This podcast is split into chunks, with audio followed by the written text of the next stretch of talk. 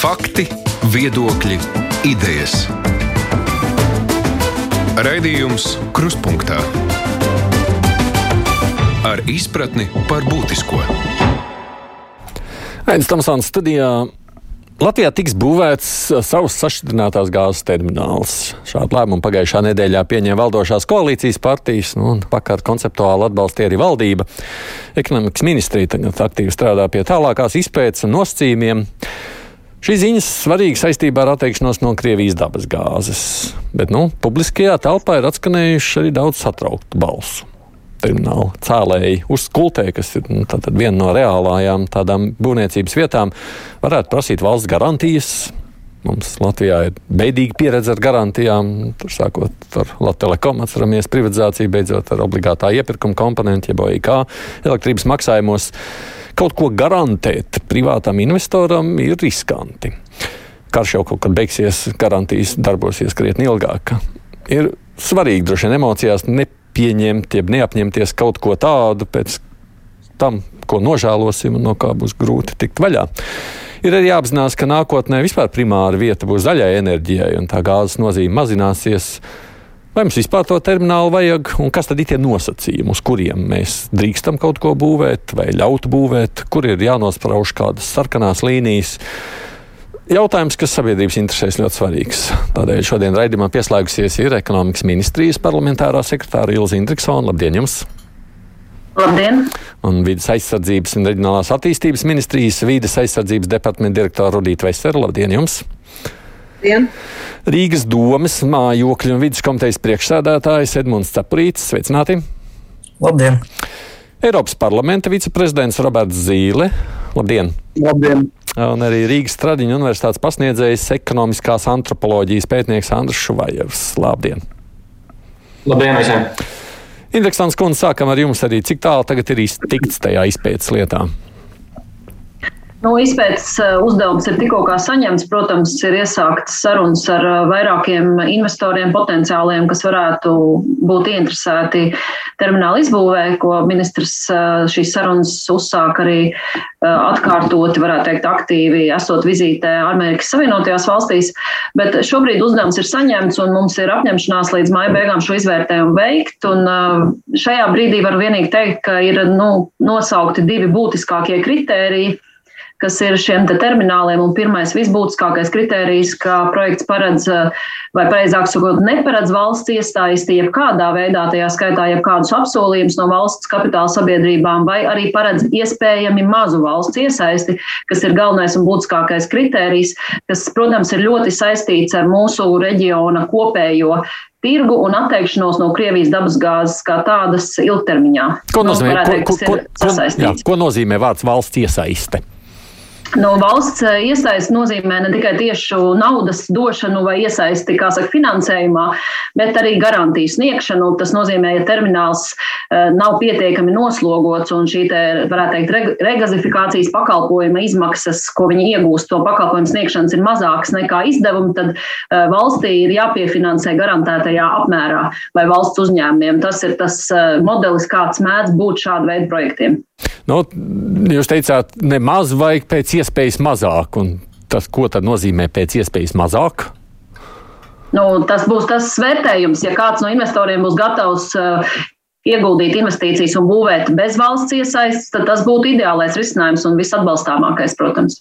Es pareizi saprotu, ka tajās sarunās, kas nu, parādījās publiskajā telpā, uz kurām atsaucās ekonomikas ministrs runājot par savām sarunām ASV, tur šis jautājums par nu, garantijām ir bijis aktualizēts, vai ne? Jā, mums rakstiskā veidā neviens piedāvājums tieši pateikt, pat pasakot, ka nav vajadzīga nekāda līmeņa valsts iesaist, vēl nav saņemts tāds piedāvājums, bet mēs ceram, ka tuvākajā laikā mēs varētu saņemt precīzes piedāvājumus. Kā tas notiek? Tas notiek šobrīd jūs uzrunājat, meklējat, gaidāt, nu, kā tas praktiski notiek? Nu, jā, gan gaidām, gan arī uzrunājam tos, ar kuriem jau komunikācija ir bijusi. Un, varētu teikt, šobrīd gaidām, ka tiks iesniegti, iesniegta informācija. Tad droši vien jautāsim vēl pēc papildus informācijas, ja tas būs nepieciešams. Tad sagatavosim vērtējumu un ziņojumu, un ministrs dosies uz valdību ar šo ziņojumu. Par cik reāli piedāvājumiem jūs prāt varētu būt runa? Nu, šobrīd mēs reāli redzam trīs piedāvājumus un variantus, bet uh, laikam ejot, varētu parādīties arī kaut kādas, varētu teikt, dažādas variācijas. Tā kā arī uh, publiskajā telpā izskanējis, ka Ventspils uh, osta arī ir izteikusi, atcerējusies, ka viņiem arī ir pētījums no 2011. gada. Man gan speciāli saka, ka tas nav ļoti reāls, bet nu, tā kā interese tikko publiskajā telpā ir šī valsts interese parādās, tad, protams, arī interese no investoru puses arī ir lielāka. Runa ir par trīs arī dažādām vietām vai tikai trīs dažādiem projektiem? Eh, šobrīd es saprotu, ka arī nu, viena, protams, ir eh, Rīga pierīga, un tad ir arī, protams, šis pat skultas piedāvājums, bet arī Rīgā varētu būt nevis viens piedāvājums, bet vairāki. Mm.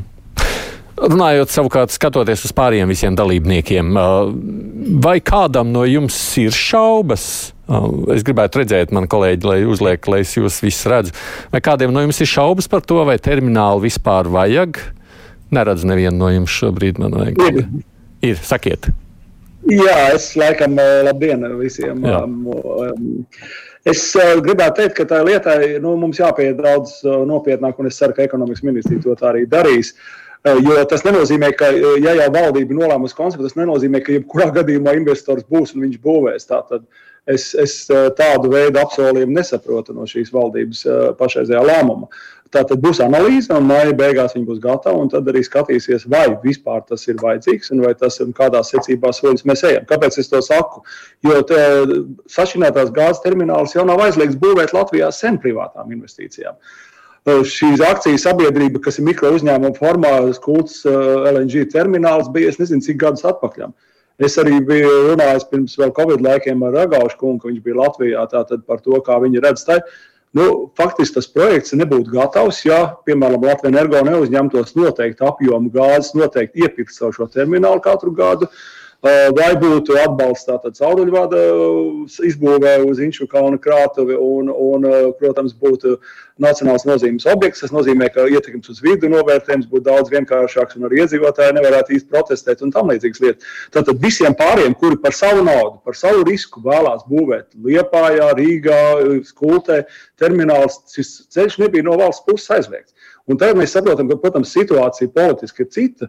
Un uh, nav brīnums, ka pa parādās šie 11. gada vai 19. gada projekti vai kura gada projekti. Jo skaidrs, ka bez atbalsta vai bez solījumiem, kas beig beigās izraisīsies daudzu gadu, iespējams samaksā. Pat tad, ja šo gāzi vairs nevarēs kam pārdot par to cenu, par ko viņi būs nopirkti ar šīm galvo garantijām, tad uh, meklēs vainīgos. Un, un te ir tā lieta, es domāju, ka Tāpēc mums tā jautājumam jāpieiet ļoti nopietni. Jo pašreiz drošības ziņā gāzes apgādes ir svarīgākais ātrums. Un šogad vienīgo terminālu, ko var pabeigt Baltijas tirgū papildus klājpēdai, ir Paldiski, kā mēs zinām. Un, ministrijai bija, cik es saprotu, ļoti jācīnās ekonomiski, lai vispār dabūtu mandātu piedalīties sarunās ar Somiem un Igauniem. Uh, lai mēs varētu saprast, kā mēs varētu šo ziemu nodrošināties pret vissliktāko scenāriju. Un arī nākošais sezona, ja būsim atklāti, jebkurš termināls no Latvijā būvētiem visdrīzākais 23. gada beigās netiks uzbūvēts. Tas nozīmē vēl vienu apkursu sezonu ar gāzes patēriņu. Un tas ir tas jautājums, kas mums ir vienkārši jāsaprot. Visi, visas potenciālās nākotnes izmaksas, risks, kur mēs to gāzi liksim, ja viņai kopumā ar zaļo kursu jau būtu jāiet mazumā. Patēriņš krītās Latvijā un Somijā pašlaik gāzes pēdējā gada laikā. Un vienīgais, kur pieaug, pieaug Lietuvā. Tātad, nu, būs cauruļvats tur mājā, Polijas Lietuvas savienojums. Būs nākošais gads uz Poliju cauruļvats ar 10 miljardu kubikmetru gadā jaudu no Norvēģijas uz Poliju vēl. Tātad šī situācija nu, kardināli mainās, un mums jāsaprot, ko mēs darām. Katram sava Baltijas valstī, katrai sava osta, lai tur asins pa degunu. Nu, tas nav princips, nu, kas būtu jādara. Paldies! Vai es pareizi saprotu, ja es tomēr precizētu tādā ziņā, sakot tā, ja var saprast, ka šīs garantijas ir kaut kādas, kaut cik pieņemamas, tad var būvēt, mm, vai ja jūs sakāt, ka vispārējai garantijas tad nebūvējam nemaz? Man pirmkārt jāsāk runāt ar ātrāku uzbūvējumu papildus terminālu, jo klaipēdu var būt pa maz. Ja ir strauja atteikšanās no Krievijas gāzes, tad, arī, tad mums būtu vajadzīgs vēl viens Baltijas valsts termināls, par ko, teiksim, Somijas uh, sistēmas operators, viņu, viņu koneksus, ja tā varētu teikt, ir tas, kas, tas, kas jau ir ieguvuši šo atļauju no Somijas puses, un viņi faktiski ir gatavi šo terminālu attīstīt. Vai nu Paldisku pusē, vai nu Somijas pusē. Uh, Igaunija arī. Tad mums ir jāpiedalās ātrāk, iespējamā garantētā gāzes nodrošinājumā pie straujas Krievijas gāzes pazušanas. un arī mūsu pašu apņemšanās ar nākošo gadu sākumu izbeigt šo gāzi lietot. Tad mums jāsaprot, ko mēs, kādi var nosacījumi var būt no šī paldiska termināla. Jo tas ir daudz ātrāk uzbūvējams nekā jebkurš Latvijā būvējams termināls. Un tad iet soli pa solim, saprast, kāda situācija ir tur. Un, un, un, un tad saprast, kādas minimālie, ja nu vispār ir kādi galvojumi, ir vajadzīgi kaut kādā formā. Teiksim, obligātos iepirkumos visdrīzākais, vai nu Latvijas energo personā, vai kā citādi. Vai Koneksus uzņemas kaut kādas saistības, kā, kā gāzes glabātājs. Bet jāsaprot sekas. Līgums ar šiem investoriem būs uz 10 vai 15 gadiem. Mēs nezinām, kāds būs gāzes tirgus, kāds būs patēriņš, pieprasījums pēc gāzes un kāda būs cena par šo laiku. Te ir tā būtība, kas, vis, kas visas ekonomikas ministrijai jāizanalizē šī laikā, un es ceru, ka tas tiks izdarīts. Tad, tad arī būs politiķu lēmumu laiks. Šuvaikungs, jūs arī darīt publiskā formā, nevis aizklātās valdības sēdēs, es gribētu teikt. Šuvaikungs, jūs arī esat sociālos tīklos paudas bažas par šo tieši garantiju kontekstā? Jā, es arī es tieši garantiju kontekstā. Es saprotu, ka ja šajā brīdī mēs mazliet noliekam tās garantijas malā, jo es saprotu, ka informācija pie, pie, pietrūkst publiski, un tik tiešām es arī mēģināju iepazīties ar ar prezentēto stratēģiju gāzes piegādēm nākamajiem gadiem, un tas, diemžēl, bija slēgtajā daļā. Tāpēc ir skaidrs, ka tādiem malā stāvošiem mazliet pietrūkst informācijas, lai aktu un spriestu par to. Garantijas, protams, ir ļoti problemātiskas tieši tā jums dēļ, ko Zīles kungs minēja. Mēs nezinām, mēs faktiski apņemamies veikt gāzes pirkumus, nezinot cenu, nezinot tā brīža pieprasījumu, kas, protams, ir fiskāli nepār, nepār, nepār, nepārredzami riski. Tā kā jebkāda veida diskusija par valsts garantijām, es domāju, mums jābūt ļoti uzmanīgiem. Bet pat ja mēs paliekam malā šo jautājumu par valsts garantijām, ko es saprotu, ko šobrīd ekonomikas ministrija dara, tomēr tas jautājums par šo reģionālo vai ģeopolitisko telpu un, un mērogu, manuprāt, ir svarīgs. Jo man būtu laikam arī interesanti un svarīgi saprast, vai tas lēmums būvēt terminālu Latvijā būtībā nozīmē, ka mēs Latvijā lemjam un saprotam, ka mēs nevaram paļauties uz Lietuvu un Igauniju, veidojot sadarbību ar viņiem un izmantot šo reģionālo sadarbību un tomēr turpināt to politiku, kas līdz šim ir tikusi mērķēta uz tādu reģionālo integrāciju, ka mēs pieņemam, ka mēs nevaram paļauties, lai arī turpmākos divus gadus mēs to darīsim. Un man tas droši vien būtu viens no tādiem svarīgākajiem jautājumiem. Ja mēs šobrīd faktiski paļaujamies uz to, ka turpmākos divus gadus Lietuva un Igaunija būs tās vietas, kas mums piegādās gāzi, tad kāpēc pēc tam nē? Kas īsti ir mainījies, un vai papildus termināļu veidošana šajā brīdī tomēr nevis turpina šo reģionālo integrāciju, bet faktiski fragmentē šo reģionālo integrāciju. Un tas otrs punkts, ko es vēlos arī pašā sākumā pieminēt, ir tas, ka mums tiešām šis ir jāskatās tādā ilgtermiņa skatījumā. Mums tomēr ir vairāki strateģiskie dokumenti jau pieņemti. Latvijas Nacionālais enerģētikas un klimata plāns, Latvijas klimata, klimata neutralitātes stratēģija. Un tur vairāki punkti jau ir ieviesti par to, ka mēs būtiski mazināsim fosilo resursu patēriņu, par to, ka mēs mēģināsim aizvietot importu finansē, e, e, enerģiju, kas tiek importēta ar vietējiem, ar vietējiem resursiem. Un te ir tomēr jautājums, vai šāda veida termināļu būvēšana tomēr neinstitucionalizē šāda veida gāzes, gāzes piegādes un gāzes lietošanu arī turpmāk. Tāpēc es domāju, ka mēs nevaram tikai tāpēc, ka ir šāda ārkārtas situācija, pēkšņi atteikties no tiem dokumentiem, kurus mēs jau esam pieņēmuši, lai tikai izliktos, ka mēs šobrīd kaut ko darām. Vesels kundze, jūs kā ministrs esat iesaistīti šajā diskusijā, jo būtībā jau nu, te esat jūs, kas nosakāt, nu, kas tad beig beigās notiks ar mūsu enerģētikas. Nu, nezinu, pieņemsim tas pašs, cik mēs grasāmies palikt zaļāki. Un vai tad tā nav mūsu politika, lēnāk garā atteikties no gāzes lietošanas?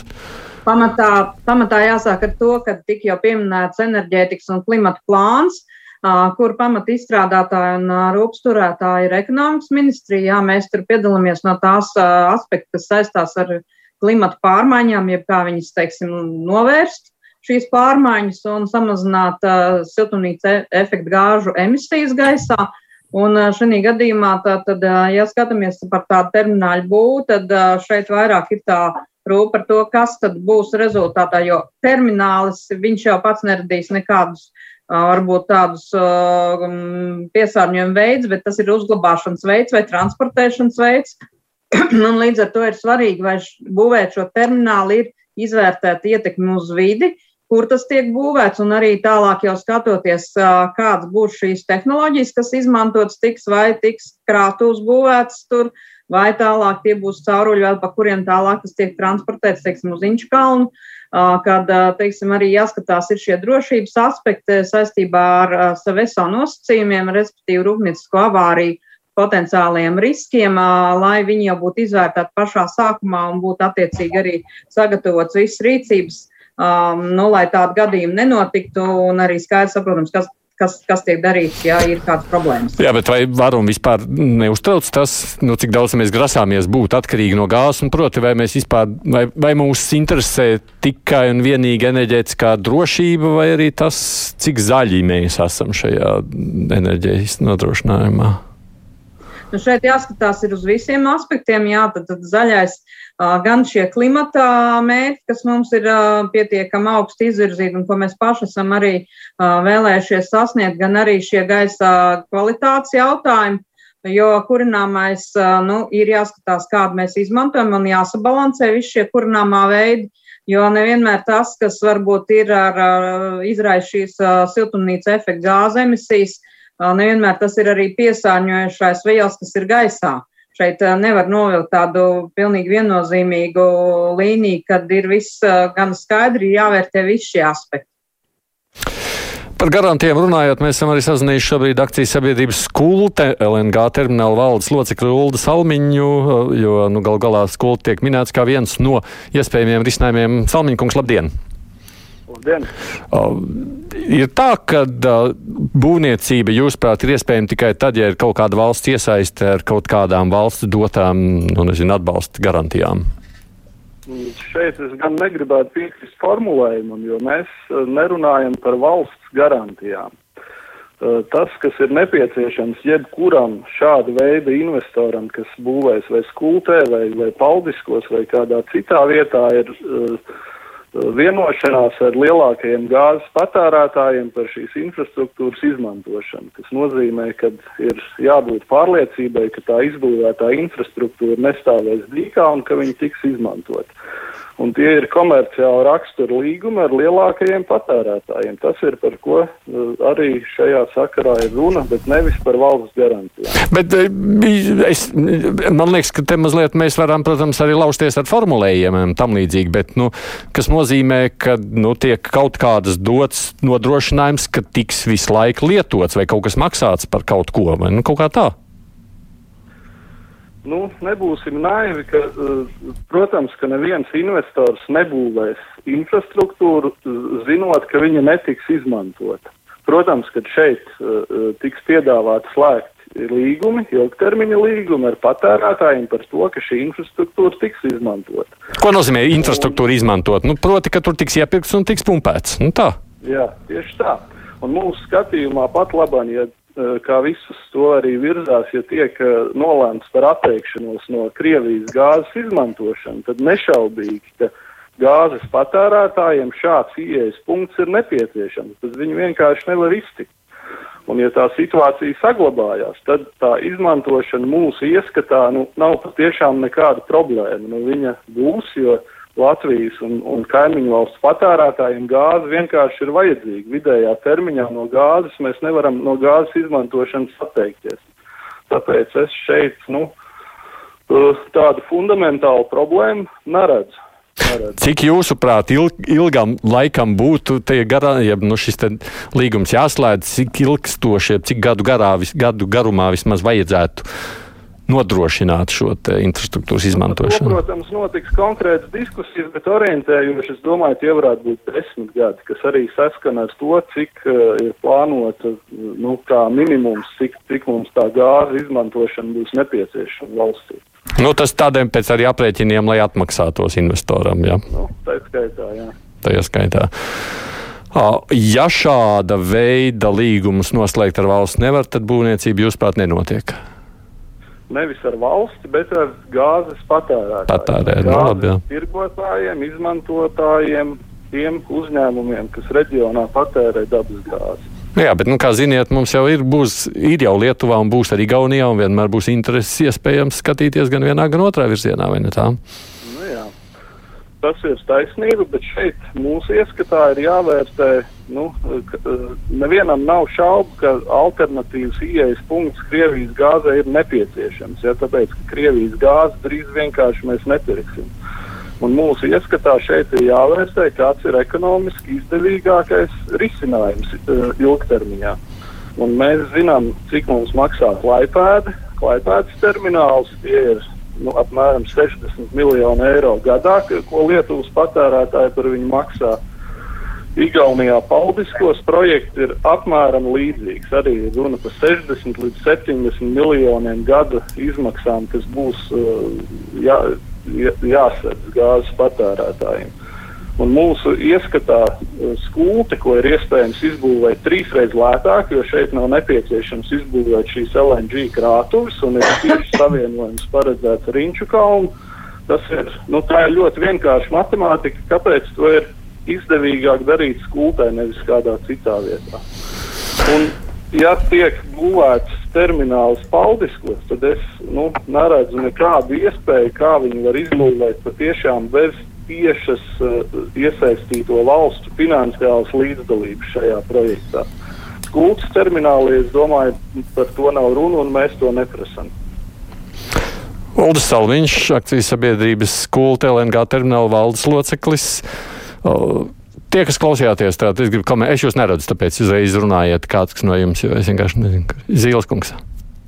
Jā, es gribētu tad, nu, jautāt arī īstenībā, tikko Sāmiņa kungs minēja, kas jums liedz runāt ar komersantiem par šīm iepirkumiem. Nu, tā tad nu, Latvijas energo Tad ir prie, tādi rūpnieciskie patērētāji, kā Valmieras stikla šķiedra, vai viņiem ir šīs tehnoloģijas svarīgas palikt uz gāzes, dab, dabas gāzes vai kaut kā citādi viņi var izsināt, vai švenks, lielais patērētājs. Protams, par mājsaimniecību, kas ir pašlaik publiskais tirgotājs Latvijas gāze, tur varbūt vēl daži aspekti ir nezināmi, bet arī ar viņiem runāt, vai viņi to, kāpēc vajag iesaukt valsti šajā gadījumā. Un tāpat runāt ar Igauniem, Lietuviešu uzņēmumiem un apkursu sistēmas, teiksim, nu, komersantiem.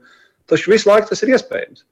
Bet Tāpēc es, vajag Latvijas valsti par īstu. Vai es pareizi saprotu, jūs jau man arī palīdziet izprast, nu, būs Lietuva un būs visticamāk arī Igaunija vai ne kopumā. Tad galu galā, nu, droši vien, ka kaut kāda sava zināma sacensība būs, jeb nu, kaut kāda konkurence starp Lietuvu, Latviju un Igauniju vai nebūs. Kuram lētāk, kuram izdevīgāk, kuram ērtāk? Kāds no jums? Es saku, es jūs neredzu, tāpēc došu no jums. Tas ir jautājums, vēlreiz man, es, es tur līdās par daudz varbūt tās arī iesaistos šai debatē. Vienkārši es esmu ilgu laiku par šo projektu, teiksim, nu, ar, ar, ar tādu nu, kritisku skatu skatos. Ne negatīvu, bet kritisku. Tātad, ja tā doma ir, ka pēc tam, kad uzbūvēs skūdi, ja mēs pieņemam kā ar zināmām garantijām caur kaut ko, pēc teiksim, 24. gadā. Tad gaidīt, ka tad mēs izkonkurēsim klaipēdu un paldiskus un ka viņi aiztaisīsies ciet. Nu, es domāju, un savus kuģus atdos, kuriem būs noslēgta līguma šīm peldošām platformām, ar, un arī uzbūvēta būs šķidrās sašķinātās gāzes turēta terminālī, ja, kas ir savādāk tehnoloģija nekā skultē, tad viņi to izdarīs un pirks visu laiku caur, caur, caur uh, LNG uh, skultas terminālu ienākošo Inču kalnā. Nu, tā nebūs, kolēģi. Nu, mēs labi saprotam, kā, kā, tas, kā tas varētu izskatīt. Uzskatīt, ka skultas termināls apgādās un iepumpēs Inčukalnā visu Latvijas patēriņu. Tā jauda 6,2 miljardi kubikmetru, kas ir skultei, vismaz tā viņu dokumentos rakstīts. Tas ir krietni, krietni četreiz vairāk, gan cik Latvijai vajag. Tātad, ja jūs nepārdodat kaimiņiem, tad jums tā jauda netiek izmantot, ko jūs paredzat skolas terminālā. Nu, kas no, vairāk es nerunāju? Nu, kas no, nē, nē, runāt arī vēlāk runāsiet droši vien, bet, es, bet jautājums, vai mums tiešām vispār vajag? Pirms saprīšu kungam dod vārdu, jo viņš nav ticis pie vārda. Vai mums tiešām vajag interesants kundze šos kulti skatoties, ja mums jau četreiz vairāk, un tas, to nekai Zilskungs saka, to jau arī cits saka, vai ne? Tātad, nu, nebūs jau tikai Latvijas patērētājiem šīs kulta. Indeksons kundze mums tiešām vajag. Es varbūt pievienošos šobrīd Roberta Zīles skeptiskajam viedoklim, jo mēs tiešām esam uzsākuši šo vērtēšanas procedūru. Mēs šodien nesakām, vajag vai nevajag, jo tur ir ļoti daudz nezināmo šobrīd, vēl ļoti daudz jautājumu, uz kuriem mēs ceram iegūt atbildes pētījumu laikā. Ieskaitot, protams, es arī gribu pievienoties tam, ka mēs neesam atteikušies no mūsu strateģiskiem plānošanas dokumentiem samazināt kopumā dabasgāzes patēriņu un, varētu teikt, atkarību no fosilējiem resursiem, kas arī ir jāņem vērā, ka tuvākajos gados eh, patēriņš samazināsies. Tātad tas arī ir aspekts. Vienīgais, ko es varu uzsvērt vēlreiz, ka šie jautājumi viss tiks skaidroti, vērtēti un tad tiks likti priekšā, kā saka, no ministru kabinetam lemšanai. Ja runājam par paldiskiem, tad tas ir tiešām vienīgais ātrais risinājums, kas mums drošībā ir ļoti svarīgs. Šis te eh, otrs risinājums, kas ir eh, Latvijas Latvijas teritorijā sašķinātās gāzes termināls, kā saka, citā, cita veida jau, kā saka, sauszemes termināls. Tas ir ilgtermiņa risinājums, kurš ir jāvērtē. Mēs esam piekrituši, ka tas ir jāvērtē kā ilgtermiņa risinājums, un visbūtiskākie ir tiešām ekonomiskie nosacījumi šajā gadījumā. Jo drošības nosacījumus mēs varam izpildīt ar paudisku terminālu, ja tas izdosies viss veiksmīgi īstenot, īstenot kā iecerēts. Un ta, tas būtu kā pirmais obligātais solis par šo te Latvijas teritorijā sašķidrinātās gāzes terminālu kā ilgtermiņa risinājumu. Tur ir daudz darba darām vēl, un es gribētu norādīt, ka Somijas patēriņš šobrīd arī ir ļoti liels, bet arī Somija eh, negatavojas uz mūžu mūžiem palikt eh, tik atkarīgi varbūt no gāzes un arī domā par modernizāciju un citiem resursiem un pārēju uz citiem resursiem, jo viņiem tieši rūpniecības nozarē ļoti daudz ir dabasgāzes patēriņu, un viņi arī par savu drošību domā un noteikti arī eh, ilgtermiņā plāno samazināt šo gāzes patēriņu. Tā kā paļauties arī uz tādiem citiem, kā saka, pieņēmumiem būtu nepareizi. Tā kā es varētu aicināt vienīgi šos potenciālos investors un projektu attīstītājus arī pašiem komunicēt un runāt ar visu tirgus dalībniekiem visiem. Latvijā, protams, redzamākais spēlētājs ir Latvijas energo un Latvijas gāze, un tad droši vien mēs labprāt saņemtu potenciālo investoru jau tādus vēstījumus, vai viņi ir komunicējuši, vai viņi redz šo sadarbību ilgtermiņā, jo eh, tas arguments, kas izskan visbiežāk, ka šis termināls būs lētāks patērētājiem gala cenai. Un tas ir tas pozitīvais arguments. Par pārējiem visiem vēl mums ir daudz, daudz jautājumu, kas tiks uzdot un vērtēti. Caprīškungs, Rīga arī tiek minēta kā viens no iespējamām vietām, kur varētu nu, šāds termināls atrasties. Jūs attieksmi pret? Nu, tur, kur, protams, tiek par privātiem līdzekļiem bez kādām garantijām uzbūvēti termināļi atbilstoši vidas prasībām, lai tas notiek. Bet es tiešām domāju, ka tur arī būtu mums jāapstājās garantijas ziņā. Tas ir tas viens lēmums apņemties, ka mēs vairs nekad neiepirksim dabas gāzi no Krievijas un nostiprināt to vairāk nekā šis konceptuālais valdības lēmums. Nu, tur var pielikt atsauci, ja nu, ja nu Krievija kļūst demokrātiska nākotnē vai, vai ko citu tādu. Uh, Bet uh, es domāju, ka šis arī ir tas nu, līmenis, kurā jāapstājās ar, ar, ar piegādēm. Šobrīd es saprotu ar Paldisku terminālu un to, ko komentēja Klaipēdā. Nu, tur arī ar šīm, uh, visa, visām šīm četrām valstīm arī kopā ir jāstrādā, lai risinātu drošības jautājumus, jo tas arī ir vienīgais ceļš. Un otra tāda lieta, ko es gribēju pakomentēt, kas šeit ir izskan, ka mums uh, dabas gāzes samazināšana būtu tikai vides vai, vai klimata mērķa kontekstā jāskatās. Un man liekas ļoti svarīgi nepalaist garām, ka, ka nē, lai no kurienes nāktu dabasgāze, tās cenu var ietekmēt Kremlis un, un Krievija tikai ņemot vērā to, cik būtiska no kopējā dabasgāzes tirgus ir, ir, ir Krievijas ieguve.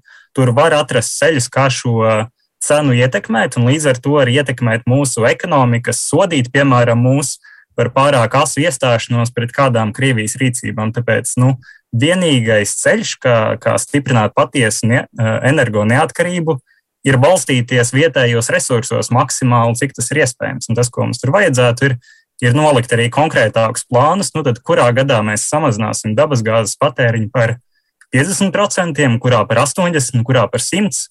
Nu, līdzīgi kā šobrīd Dānija tieši ir paziņojusi 2000. 30. gads ir tas gads, kad 100% dabas gāze samazināsies.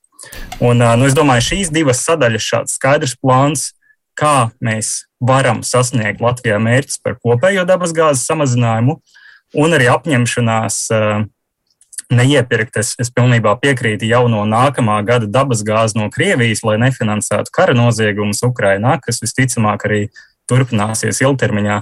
Šie ir divi, man liekas, atskaites punkti, kas, eh, nu, kas veido Latvijas interesēm atbilstošu politiku. Līdz ko mēs ienesam garantijas, tā mēs vienu vai otru no tiem aspektiem mazinām. Un, nu, nostiprinot dabasgāzes intereses Latvijā vēl, vēl ar publisku iesaistu vai kādām garantijām, mēs nu, tomēr netieši joprojām stiprinam to pašu Kremļa ietekmi par, par lēmumiem, kas, kas skar mūsu.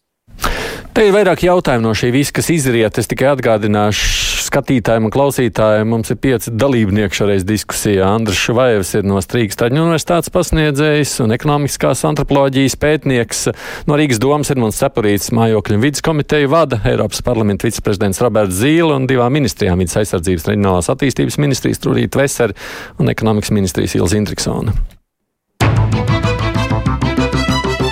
Raidījums Krustpunktā. Vēl mazliet, Edmunda, runājot savukārt par jūsu pieminēto nepieciešamību atteikties no gāzes kā tādas. Nu, desmit gadus minēja Salmiņa kungs, ka tas būtu, jebkurā gadījumā mums būs nepieciešama šī gāze tā kā līdz šim. Ir tā, mums ir tiešām vajadzīgi vismaz desmit gadus, mēs droši varētu garantēt, ka tur plūdīs gāze. Nu, uh, droši vien desmit gados mēs, uh, mēs neaizvietosim uh, ne teicis, ne to dabasgāzes infrastruktūru. Tur ir ļoti daudz ieguldīts, bet tas, kas ir svarīgi, ir uh, par cik lielu procentu mēs varēsim samazināt to dabasgāzes patēriņu. Viens no lielajiem patērētājiem, piemēram, ir siltumenerģija. Es domāju, ka šis ir lielisks brīdis, lai salabotu to nedaudz salauztu ēku renovācijas sistēmu, nu, kas var mums ļaut uh, ēku patēriņu siltumenerģijai ļoti, ļoti būtiski samazināt. Un, līdzīgi otrs aspekts, kas diemžēl palicis simboliskā līmenī, ir, ir vēja enerģija un citi vietējos resursos balstīti uh, elektrības ražošanas veidi. Nu, šīs ir tās atbildes, kas, kas nedaudz pietrūkst. Es saprotu, ka ekonomikas ministrija arī Eh, vismaz saziņā ar, ar Rīgas domu ir minējis, ka būs arī šāds vismaz, vismaz vispārīgā līmenī konceptuāls skatījums, kā izskatās tā Latvijas enerģijas sistēma. Šobrīd mēs vēl gaidām. Un jā, ja, ja pārnes uz Rīgas pusi, protams, mums arī ir e, sarežģīti plānot, kad nav skaidrs, nav skaidra tā līkne, kā mēs plānojam dabasgāzes patēriņu samazināt, piemēram, TEC darbībā.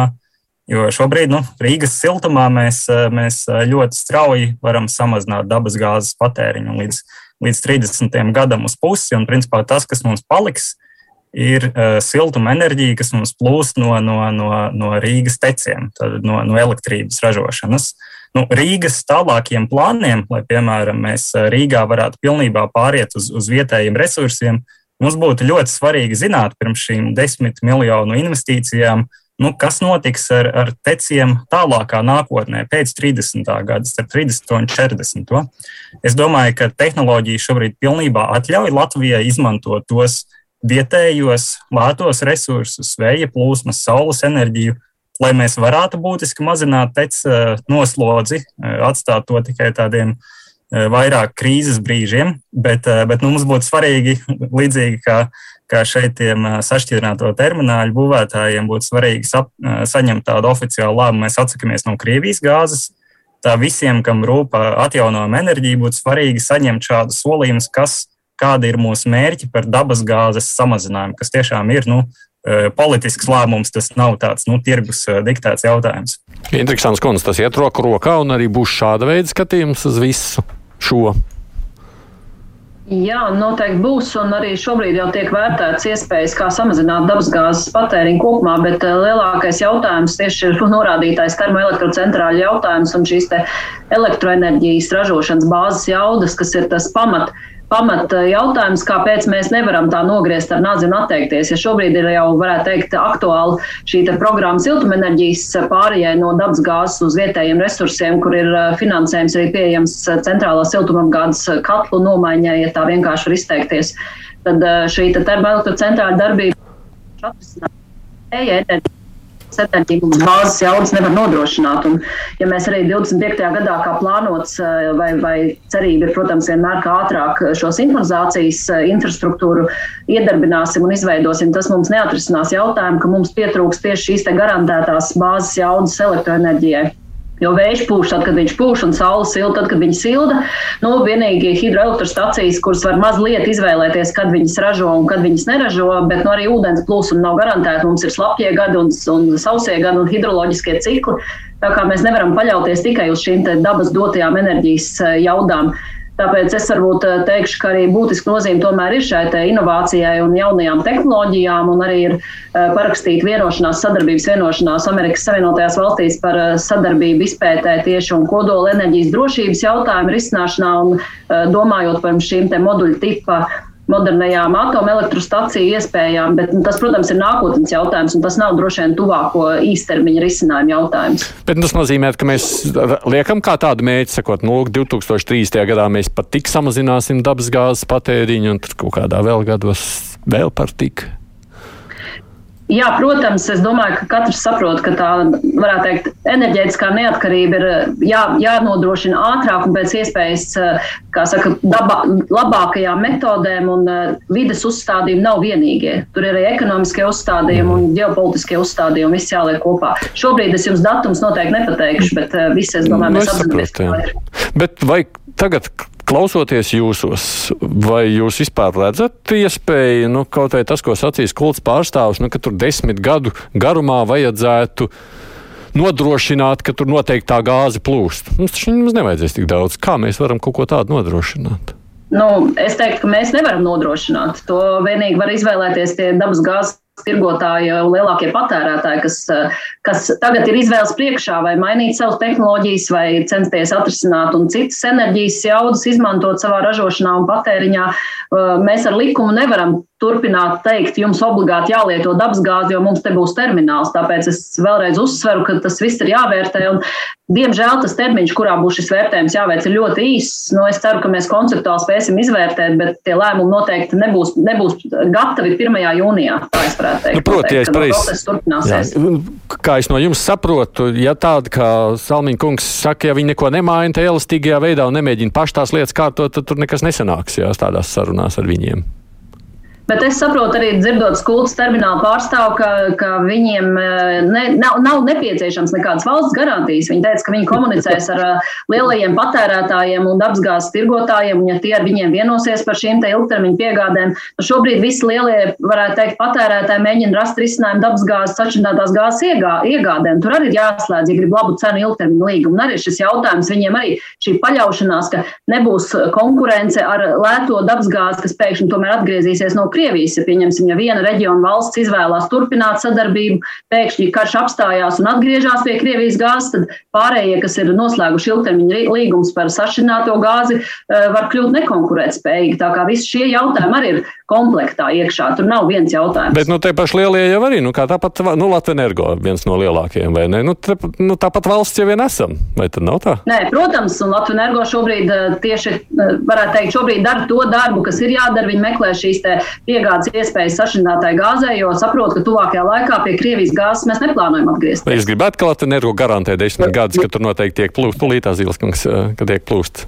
Nē, negribētu. Es, protams, gribētu teikt, ka mums ir jāpieņem lēmumi, kas ir visizdevīgākie arī mūsu iedzīvotājiem un patērētājiem. Vai es pareizi saprotu, Zilskungs tur kaut ko bija gatavs teikt? Nu, ja mēs paskatāmies, jā, tādā, pie, kur būs drošs pieprasījums pēc gāzes, nu vismaz desmit gadus, ja ne ilgāk, jo ātrāk nevar, teiksim, bāzes jaudas, ko elektrības ražošanā, ko Ilzi jau minēja. Uh, tu nevari atomu stācijas moduļu uztaisīt ātrāk, ja mēs vispār izlemsim par to vai kādu citu bāzi jau. Tātad TEC 1 un TEC 2 strādās šim līmenim. It īpaši tad, ja notiks desinhronizācija, varbūt pavisam drīz, jo Krievija ar to var izdarīt. Un tad mums būs bieži vien tīri tehniski jākurina vēl vairāk šīs abas stacijas, lai varētu ražot elektrību balansēšanai. Un šis ir skaidrs, ka kādu laiku mums to uh, visi pārējie, un to, to, to, to, to faktiski pieprasītājs ir Latvijas energo. Tātad viņi ir atslēgas uzņēmums Latvijas pusē, ar kuri šie investori vēlētos saņemt garantijas. Kas ir valstī? Un es negribētu redzēt, ka ministrijas, un es domāju, ekonomikas ministrs nekādā ziņā to nedarīs, kaut kādu spiedienu izdarīt uz komerciālu uzņēmumu, lai arī viņš pieder valstī. Tātad tas ir eh, viņu izpratne arī par savu stratēģiju, ņemot vērā visus šos daudzos aspektus, ko mēs daļu šeit tikai, tikai daļu pieminējam. Visi pārējie lietotāji gāzes ies mazumā. Apkurē tas ies mazumā. Tas ir pilnīgi tas arī, ko Cepelīša kungs minēja par Rīgu un, un tam līdzīgi. Un skaidrs, ka mēs nezinām arī, ja iedomājamies situāciju, ka mēs to skuldas terminālu esam uzbūvējuši un tur ir 6 miljardi kubikmetru jauda gadā. Ja nē, tad viņš atmaksājās pilnīgi sliktāk. Un te pēkšņi Igauni un Lietuvieši arī iet ar samazinājumu, kas ir labā savienojumā ar cauruļvadiem. Arī viņi atsakās no gāzes vien vairāk. Un, ja tā rāna, tad tas nozīmē, ka mums tās galvojums, tā garantija caur Latvijas energo personu būs jādod vienalga kāda cena, vienalga kāds patēriņš gāzē ir šajā Baltijas eh, valsts un iespējams arī Somijas tirgu un iespējams arī Polijas tirgu. Nu, mēs tādu garantiju arī Latvijas energo kā valsts akciju sabiedrība nu, nevar uzņemties. Nu, nu, tas ir pārāk riskanti, ir tik daudz nezināmie. Tāpēc mums jāiet solis pa solim. Galvenais ir garantēt drošību šo apkursu sezonu, ziemas, kad gāzes patēriņš ir daudz lielāks, arī nākošo. Un tad vienlaicīgi, protams, vērtēt visus šos projektus, bet vairāk viņus turēt uz komerciāliem nosacījumiem, lai paši runā ar patērētājiem, lielākajiem pieprasītājiem gāzes Baltijas tirgu un, un, un kaut kā nu, ņem uz sevīm to risku. Ja. Vai es pareizi saprotu, lai klausītājiem līdz galam skaidrs, iztikt mēs pilnīgi noteikti varam, ja mums ir Lietuva un Igaunija, ar to mēs iztiekam. Ja? Un tad ir gadījumā stāsts par Latvijas uzbūvēto staciju tikai tik daudz, cik nu, tā būtu konkurence lētāka. Jo būtu lētāk no iespēj, iespējams no Latvijas nekā no Lietuvas vai Gaunijas, vai ne? Tā. Ja es varu, ja es varu šajā brīdī komentēt. Eh, lētāk arī, man liekas, ir būtiski, būtiski, būtiski to paturēt prātā. Lētāk tikai tādā pārredzamā nākotnē, un tas ir tāds tiešām īstermiņš. Mums ir ļoti grūti pateikt, kas būs pēc astoņiem, desmit, desmit gadiem. Un man tomēr ir jāsaka, ka, ka es tomēr esmu mazliet apjūts šajā visā, jo pirms nedēļas iznāk ziņa, um, ka būs kaut kādas valsts garantijas šim terminālim. Tad šodien ir ziņa, ka šādas garantijas tomēr nebūs. Tad mēs dzirdam no Salmīna kunga, ka kaut kādas garantijas tomēr būs nepieciešamas, pastarpinātas vai nepastarpinātas. Tad izrādās, ka mēs tomēr tikai vēl vērtēsim visu nākamo mēnesi, vai šāds termināls patiesībā ir izmaksu ziņā efektīvs, brīdī, kad mēs esam paziņojuši, ka šāds termināls būs. Un tāpēc man ir mazliet grūti saprast, kur šobrīd iet tā, tā, tā politiskā stratēģija un tā, teiksim, šī enerģija. Un es joprojām vēlos uh, saprast, droši vien labāk, vai mēs esam atteikušies no pārliecības, ka mēs varam sadarboties ar Lietuvu un Igauniju, lai nodrošinātu mūsu gāzes nepieciešamības brīdī, kad mēs cenšamies tomēr veidot stratēģiju, kas ir balstīta uz fosilo resursu samazināšanu. Un es arī vēlos tomēr vēlreiz papildus akcentēt arī to, ko teica Edmunds. Šis ir mums ir jāatcerās, ka mums ir tikpat ļoti jādomā par ēku, ēku energoefektivitāti, kur, kā mēs zinām, vēl vakardien no LSM ziņas, mums ir milzīgas problēmas, mums ir nepieciešami vairāki miljardi, lai šīs ēkas tomēr padarītu energoefektīvas. Kāpēc mēs nedomājam tikpat ambiciozi tieši šajā lauciņā, kas būs tikpat ļoti svarīgs mūsu energodrošībai? No, nu, iespējams, ka tur tie, nu, viens otru papildina, bet neizslēdz teiksim, tā šajā visā stāstā. Bet, ja jūs varētu, interesants kundze, tad iesmu skaidrību, tad kāds lēmums tad ir pieņemts? Tad mēs varam sacīt, ka noteikti tiks būvēts Latvijā vai tomēr nē. Šobrīd es domāju, es jums noteikti neesmu, nevaru šobrīd atbildēt šo atbildi. Es esmu politiķis, es neesmu ministru kabinets, un es neesmu, varētu teikt, nevaru pārstāvēt ministru kabinetu, kurš lems pēc, vadoties pēc tā, kāds izvērtējums būs. Uh, bet ir konceptuāli vienošanās un lēmums, ka vērtējot ilgtermiņā, ir nepieciešams papildus termināls, uh, vērtējot, protams, šos paredzamos riskus, ieguvumus, izmaksas, un šis vērtējums vēl būs tikai.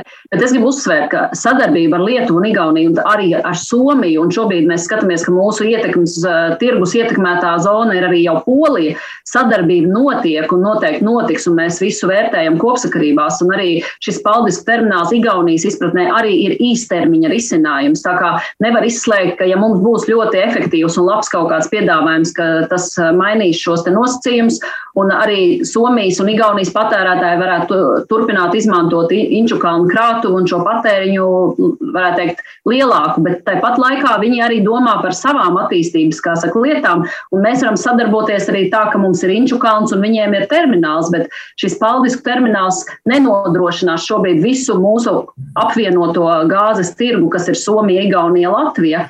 Un mēs eh, redzam, protams, ka polijas eh, savienojums šobrīd nevis eh, nodrošinās mums pieplūdu no polijas, bet otrādi viņi cer, ka no Lietuvas termināla arī polija saņems šo gāzi. Tātad šīs plūsmas ir dinamiski mainījušās šajos ģeopolitiskajos apstākļos. Tā kā tas viss ir noticis pēdējā faktiski divu mēnešu periodā un ietekmes turpināsies arī ilgtermiņā.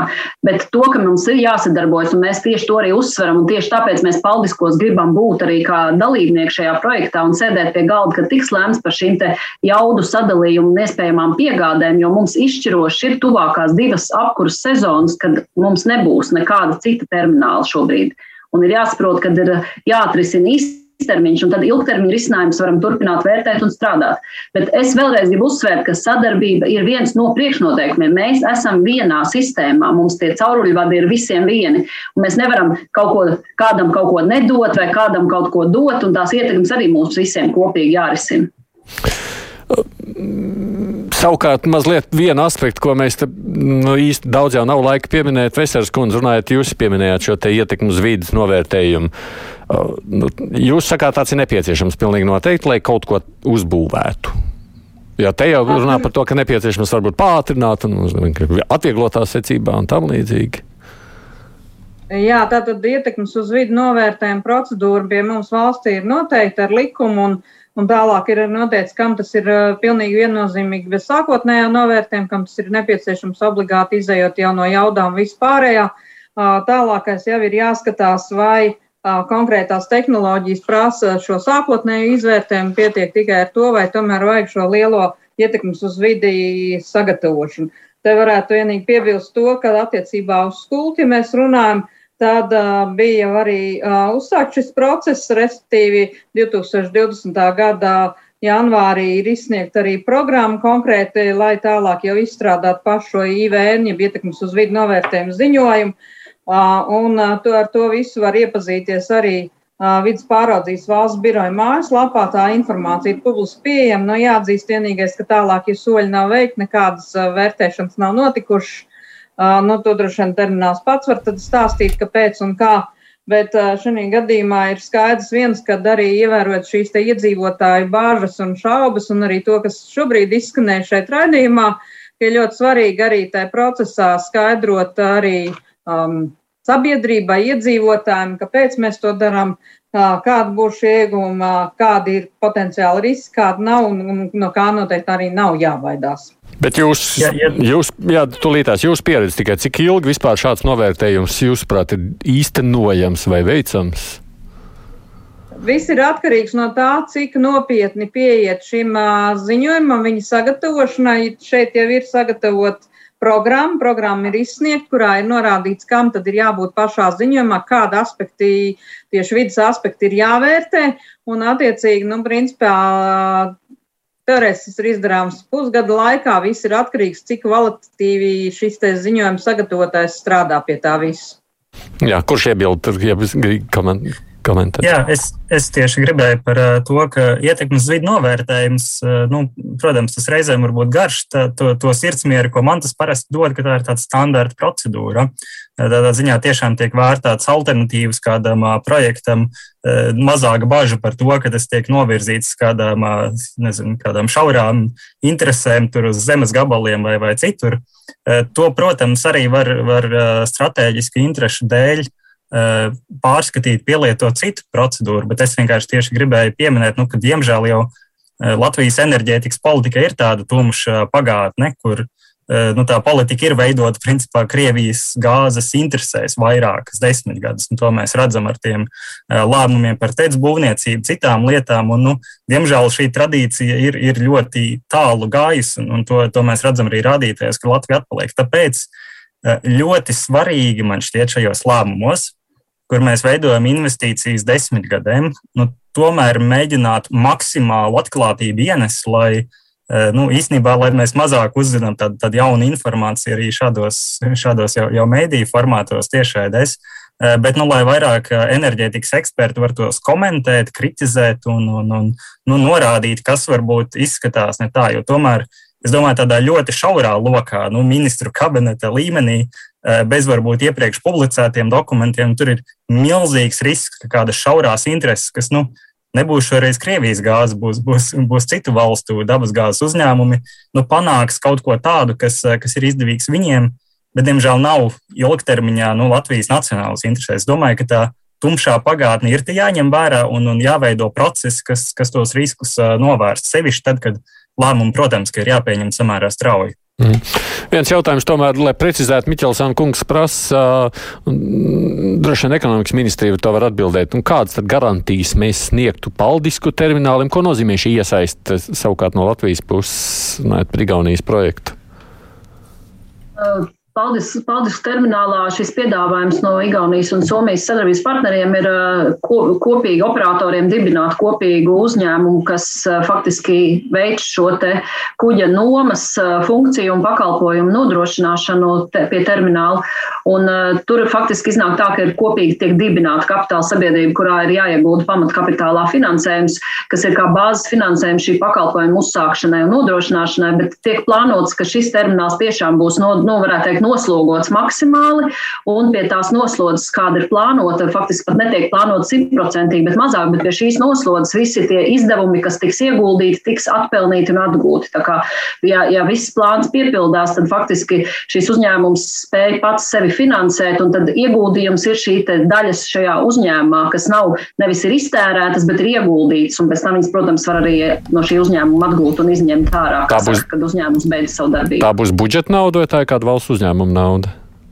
Nu, šis risinājums vēl nav risināts, jo vēl nav skaidrība arī par šiem uzņēmuma darbības saka, pamatprincipiem. Pēc memoranda sagatavošanas un parakstīšanas noteikti būs tas nākamais lēmums par, par konkrētiem jau cipariem un skaitļiem un finansējumu. Protams, arī nav zināms, cik, nav arī zināms, cik mēs ieguldām no Latvijas Nē, nu, puses. Principā proporcionāli tur tā pamatvienošanās, kas ir plānota, ko piedāvā Igaunijas partneri, kā piedāvājumi ir proporcionāli dabasgāzes potenciālajam patēriņam, tad mēs esam apmēram trešā daļa no šī te lielākā daļa, vairākā, mazliet vairākā puse ir Somija un kaut kādi 11% ir Igaunija un mums ir kaut kāda trešdaļa apmēram. Tas ir no summas viedokļa, cik tas ir kopējais projekta izmaksas apmēram. Nu, apmēram nu, bija runa starp 30 un 40 miljoniem varētu būt šis ieguldījums. Tas ir no Latvijas puses.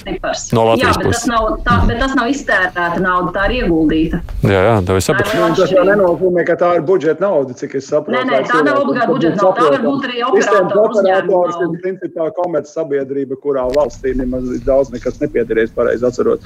Bet uh, kopumā, ja mēs tuvojamies beigām, es gribēju pateikt, viena lieta, šis ir tāds sarežģīts laiks, mēs labi zinām šo kara situāciju, šo apdraudējumu, tāpēc mēs arī par šo gāzi runājam kā tādu drošības elementu, pašu svarīgāko, lai viņi pietiktu tajos apjomos, kas mums minimāli vajadzīgi un paredzot tālāko gaitu. Un, manuprāt, ļoti slikti, ja uh, var gadīties, ka mēs šajā brīdī pieņemam kādus nevisai caurspīdīgu par kādu nevisai caurspīdīgu projektu, Uh, lēmumus īsi pirms vēlēšanām, uh, kad, kur risinājums par šo projektu, kādu uh, jaunu LNG terminālu, vispār ir divu vai vairāk gadu no šodienas īstenošanas iespējas, kas vairs nebūs varbūt tas drošības elements. Un tas atstāt var sabiedrībā ļoti neticības elementu, kas nav tas labākais to darīt šajās laikos, kad viss ir nu, mazāk vai vairāk nu, kaut kādā tiešām norūpējušies par daudz svarīgākām lietām, un ja šajā laikā kaut ko izdara tādu, kas vēlāk, vairākus gadus vēlāk atstās nepatīkamu pēcgaršu, kā minimums, tas nav labi. Jūs tā kā rosinātu visās šajās diskusijās publiski, pēc iespējas publiski par visām iespējamām valsts saistībām runāt, ja nākošajās nedēļās. Ja? Jā. Ja.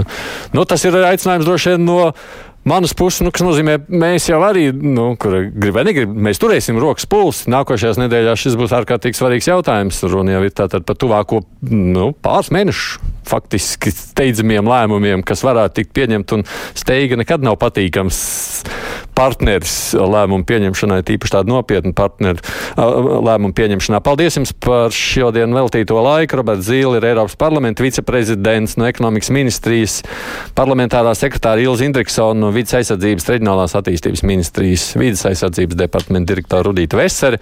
No tāpatās arī Edmunds Cepurīts piedalījās no Rīgas domas mājokļu un vidas komitejas vadītājs un Andrs Šuvajevs kā antropoloģijas pētnieks, ekonomiskās antropoloģijas pētnieks un Straģiņu universitātes pasniedzējs sniedzējs.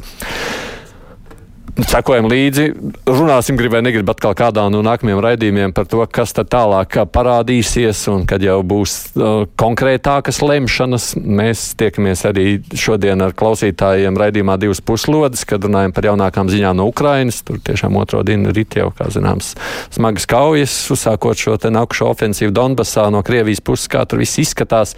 Runāsim arī par to, kas notiek okupētajās teritorijās un mazliet veltīsim laiku arī notiekošiem Maskavā. Savukārt rīt kruspunktā, kā jau te pieminējām, amatpersonu stundu studijā uz iztaujāšanu būs labklājības ministrs Gats kā viņam arī būs ko jautāt producentiem Junām, un šodien sarunu vadīja Aidis Tomsons. Fakti, viedokļi, idejas. Raidījums Kruspunktā ar izpratni par būtisko.